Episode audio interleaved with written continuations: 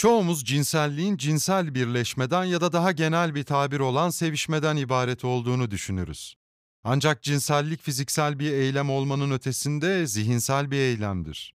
Bilim insanı Zilberk'in dediği gibi, cinsellik iki bacak arasında değil, iki kulak arasındadır.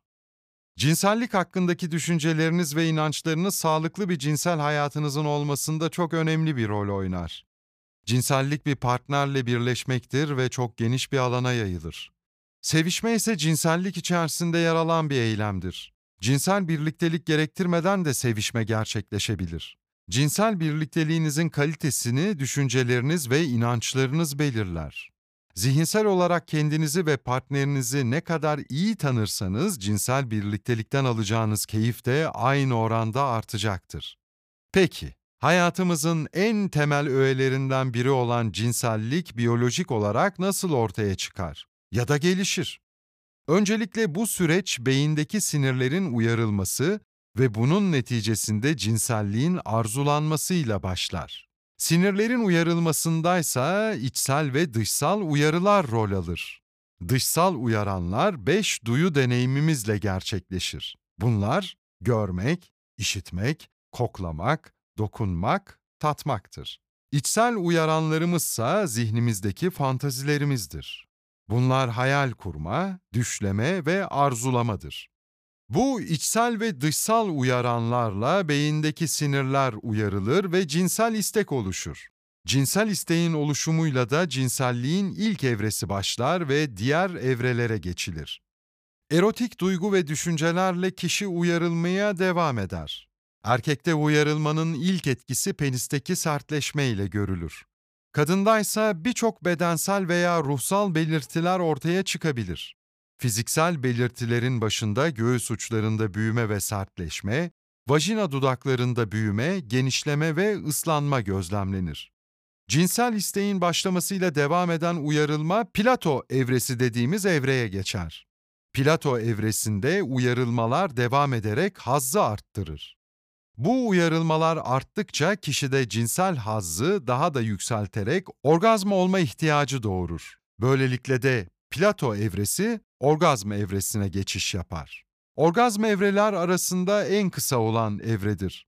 Fakat en kısa evre olduğuna bakmayın. Çünkü hazzın en yüksek deneyimlendiği evre de bu evredir. Erkekte orgazm, penisin prostattaki yoğunluk kazanımı, ejekülasyon ya da boşalma dediğimiz kasılmaları görülür ve meni dışarı atılır.